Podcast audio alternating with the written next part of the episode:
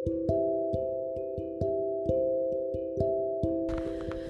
hai hai, selamat pagi, siang, sore, malam, subuh Mungkin ada yang dengerin podcast gue subuh-subuh.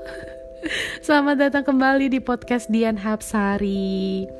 Gimana nih kabar kalian hari ini? Gue harap pada baik-baik aja ya Oh iya, bagi yang menjalankan ibadah puasa, selamat menunaikan ibadah puasa ya. Semoga puasanya lancar sampai satu bulan full, gak ada bolong-bolong. Amin. Hari ini gue pengen bahas di podcast gue. Eh sampai kebalik tuh ngomongnya. Gue pengen bahas sesuatu di podcast gue. Uh, ini merupakan hari yang sangat spesial banget buat hidup gue ini tanggal 29 April 2020 tepatnya pukul 02.43 pagi. Pas banget nih momennya hujan lagi turun. Gue lagi nyarain diffuser nyium arom, aroma uh, aroma lavender. Aduh belibet banget nih mulut deh. Ah nggak suka lagi nyium aromaterapi lavender ya kan? Uh, sambil selimutan nyalain AC ngomul deh pas banget kan tuh. Jadi gue pengen bilang di podcast gue ini hari ini adalah hari ulang tahun bokap gue. Hai pa selamat ulang tahun ya. Uh, selamat ulang tahun yang terspesial dari anakmu Dian Hapsari, Dian Kusumo Hapsari, asik gak tuh? Selamat ulang tahun, pokoknya buat papa uh, sehat-sehat terus di sana. Semoga papa selalu tersenyum ya lihat anak-anaknya di bawah sini yang lagi pada gedabugan ya kalau kata orang Jawa gedabugan untuk menjalani hidupnya tetap support anak-anaknya dan terus doain kita ya pak Hah, kenapa gue bilang ini yang terspesial buat gue? Karena uh, gue dari tahun 97 sampai saat ini tidak pernah merayakan ulang tahun bersama bokap gue. Karena bokap gue itu meninggal tanggal 6 Januari tepatnya di ulang tahun gue di hari ulang tahun gue tahun 1904 eh 1997 jadi gue hanya merayakan ulang tahun bokap gue itu selama lima tahun aja lima kali. Setelah itu gue dirundung dengan kesedihan selama satu tahun full. Dan gue akhirnya bangkit sampai sekarang. Tidak pernah sedih lagi dan tidak pernah menyesali keadaan apa pun gitu ya. Uh, titik terendah gue saat itu. Ketika gue masih kecil gue harus kehilangan bokap gue. Dan tambah lagi hilangnya itu di hari ulang tahun gue. Tapi jalan Tuhan gak ada yang tahu. Ya mungkin itu kehendak Tuhan yang terbaik untuk bokap gue. Tapi meskipun bokap gue udah gak ada gue tetap masih bisa merasakan bokap gue selalu ada di sisi gue dan selalu mendukung dan selalu uh, berikan sinyal-sinyal asik gak tuh? Mana yang harus dilakuin dan mana yang tidak perlu dilakukan gitu. Uh, mana yang bokap gue setujui mana yang bokap gue tidak setujui. Mungkin juga pada bingung kenapa gue ngomongnya bokap terus gitu ya. Uh, nyokap gue masih ada puji Tuhannya masih ada dan masih sehat. Cuma memang dari kecil gue tuh deket banget sama bokap gue. Wajar gak sih kayak anak perempuan pasti deketnya sama bokap kan? Dan gue tipe cewek yang nggak uh, suka dicerocosin gitu loh. Nyerocos emak-emak tuh gue nggak suka. Bukan nggak suka sih kayak ye yeah, orang lagi curhat malah nyerocos gitu. Nah itu tipe nyokap gue yang suka nyerocos. Jadi dari kecil memang gue kalau ngobrol kalau bercanda ya lebih sering sama bokap gue. Jadi ketika bokap gue nggak ada gue merasa kehilangan banget sampai bisa down titik terendah banget deh sampai semua orang gue salahin saat itu. Meskipun gue belum ngerti-ngerti banget sih bokap gue dulu tuh kenapa kayak masih belum ngerti lah bokap gue kenapa ya? Kok ditaruh di dalam peti? Loh kok bokap gue dibawa ke Solo? Loh kok ada ambulan yang kayak mikirnya tuh kayak gitu gitulah banyak hal gitu. Tapi akhirnya gue baru disadarin kayak hah bokap gue udah meninggal. Lah ini kan hari ulang tahun gue lah gimana deh? Gitu. Kayak semua gue menyalahkan Tuhan dan gue menyalahkan semua orang kenapa tidak mempertahankan bokap gue.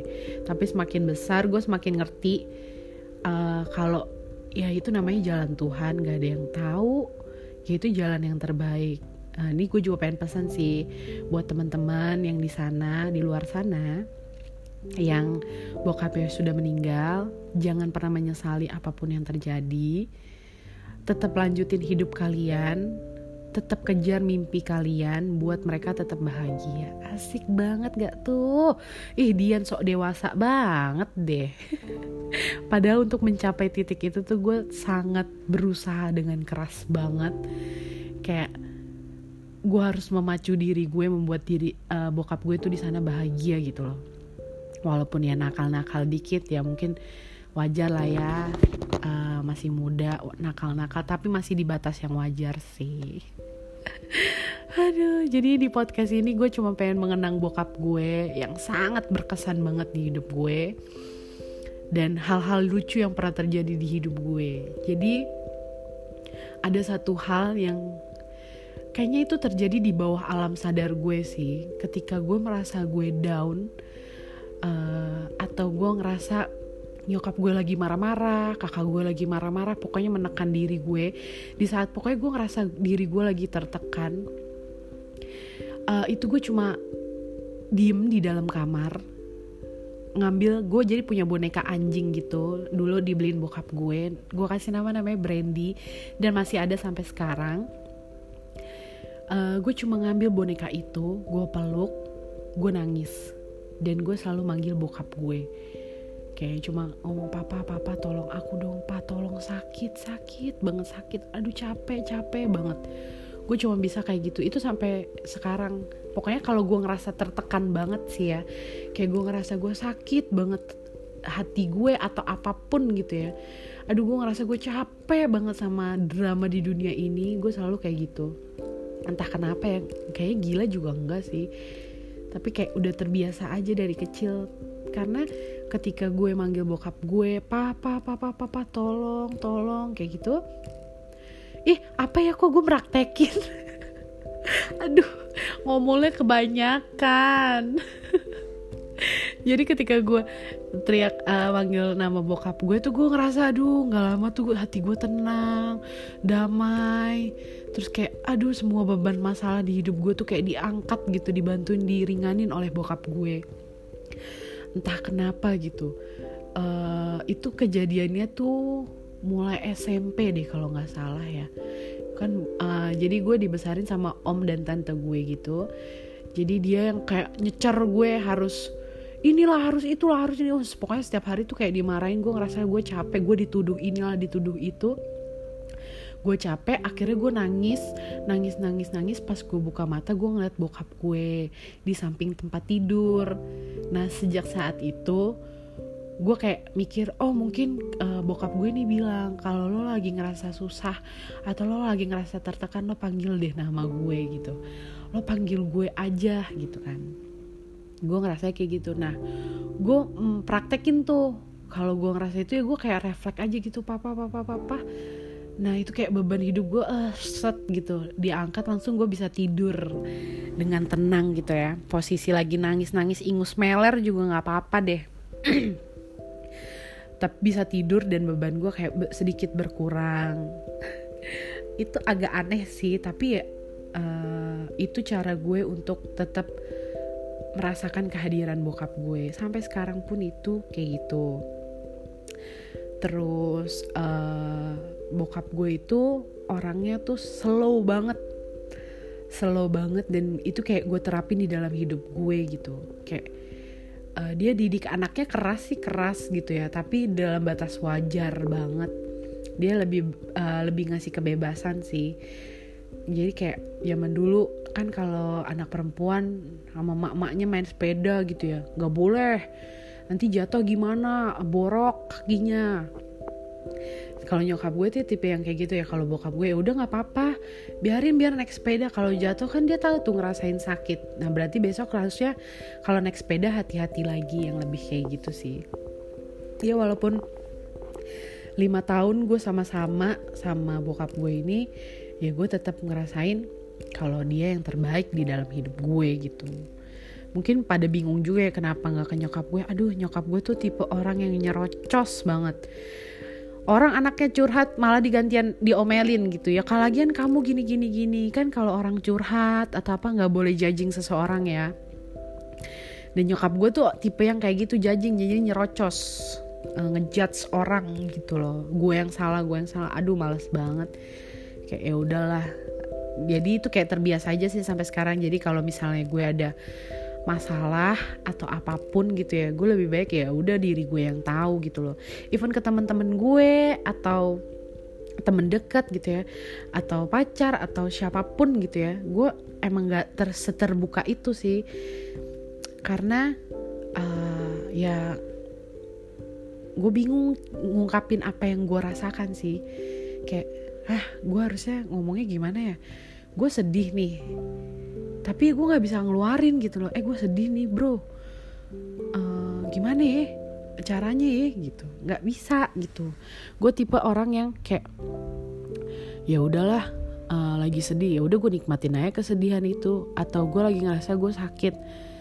Kayak gue nggak terima gitu. Ya udahlah gue aja yang ngerasain gitu. Sometimes gue kadang kalau udah kesel banget kesel banget dan gue nggak bisa ngungkapin itu. Gue ju jujur nih ya jadinya jatuhnya balas dendam. Oke ini begini nih. Oh kok orang itu nggak peka gitu ya? Kok ini saya contoh orang kantor ya. Orang kantor nih uh, nyakitin gue gitu ya. Ngerjain gue terus terusan gue kerjain gini gini gini. Apa yang dia ngomong gue kerjain gini gini gini. Kok gue jutek kok gue diem aja? Kok gue udah asem mukanya? Kok dia kayak nggak ngerasa ya? Kayak ada sesuatu yang salah. Akhirnya gue bales. Gue ngelakuin hal yang sama gitu loh. Supaya dia tahu enak gak sih kalau gini misalnya kayak lo ditabok. Lo kan nggak tahu misalnya kalau lo belum pernah ta ditabok lo nggak akan tahu rasanya sakitnya ditabok gitu kan. Ya gue tabok balik nih. Sakit nggak ditabok? Makanya kalau nggak mau ditabok jangan nabok. Gue tuh tipe orang yang kayak gitu. Sesimpel itu gitu uh, itu jatuhnya ya balas dendam. Jelek sih ya cuma gue masih belum bisa menemukan cara gitu untuk mengungkapin apa yang gue rasa. Karena bokap gue juga kayak gitu. Uh, misalnya dia kesel sama nyokap gue ya udah mendingan dia diem aja gitu. Nggak mau nanggepin apa apa maksudnya males berdebat males berantem hal-hal yang sepele gitu loh. Uh, dan gue belajar bokap gue pernah pesen gitu ya segala hal yang kamu lakukan itu pasti ada unsur uh, di balik itu gitu. Kayak lo ngelakuin lo nabok orang. Lo nabok orang. Ya lo harus tahu kena pasti ada sebabnya kan lo nabok orang itu gitu. Ngerti gak sih? Ya nggak perlu ngerti juga sih. Ya itu yang hal yang terjadi dalam hidup gue sih. Dan bokap gue tuh banyak memberikan uh, inspirasi gitu. Asik. Uh, gimana menjalani hidup, gimana dia hidup, gimana dia menyayangi anak-anaknya dan gue terapkan sih di dalam hidup gue. Jadi podcast ini memang gue untuk uh, dedikasikan gitu ya ke bokap gue. Uh, semoga dia tetap tersenyum, tersenyum di sana lihat anak-anaknya dan meridoi asik, meridoi nggak tuh meridoi jalan yang diambil oleh anak-anaknya. Kalau misalnya jalan yang ditempuh salah uh, tampol aja pantatnya tak gitu kan ya. Jadi biar dia kembali ke jalan yang benar karena bokap gue selalu gue ngerasanya kayak gitu sih. Ketika gue melakukan kesalahan uh ditegor tertak gitu aja. Ini makan nih gitu. jadi segitu aja lah podcast gue ngomongnya hari ini. Capek juga nih tangan megangin handphone ya buat ngerikot kayak gini. Ah, Semoga kalian di luar sana tetap semangat menjalani hidup kalian apa pun hal kesedihan atau kegembiraan yang terjadi di dalam hidup kalian nikmatin selagi kalian bisa nikmatin. Terus tetap uh, menggapai cita-cita kalian untuk membahagiakan orang-orang di sekitar kalian. Jangan jadikan kesedihan itu sebagai apa ya kayak um, batu sandungan gitu. Jangan tetap semangat sedihan itu untuk memacu kalian untuk menjadi lebih baik lagi. Oke? Okay?